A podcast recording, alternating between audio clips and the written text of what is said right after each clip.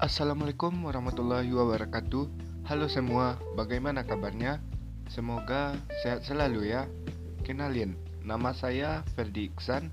Saya lahir di Bukit Tinggi pada 18 September 2002 Alhamdulillah, saya sekarang sudah menjadi mahasiswa baru di Institut Teknologi Sumatera dengan Prodi Teknik Sipil. Mungkin sebagian dari teman-teman semua ada yang bertanya, kenapa sih harus teknik sipil?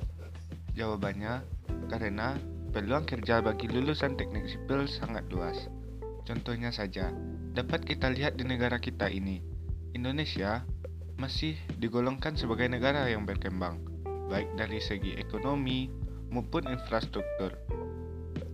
Nah, dari sinilah lulusan teknik sipil sangat diperlukan, karena dapat membantu dalam pengembangan pembangunan dan tahukah teman-teman semua, selain membantu pengembangan negara, lulusan teknik sipil juga sangat dibutuhkan di perusahaan-perusahaan.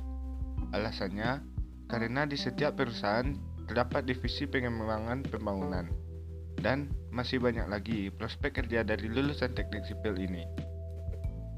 Oh ya teman-teman, di podcast pertama saya ini saya juga akan membahas tentang rancangan masa depan saya. Dan bagi teman-teman yang sedang mendengarkan podcast ini, tolong diaminkan ya teman-teman.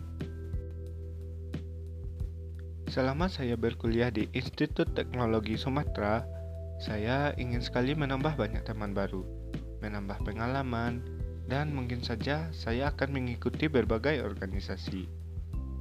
Selanjutnya, di penghujung semester, saya ingin sekali mendapatkan nilai yang terbaik dan menjadi lulusan yang terbaik pula.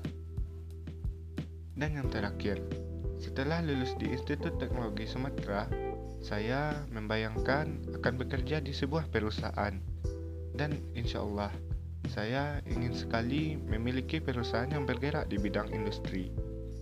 Dan yang terakhir, saya bercita-cita untuk membahagiakan kedua orang tua serta orang-orang yang terdekat.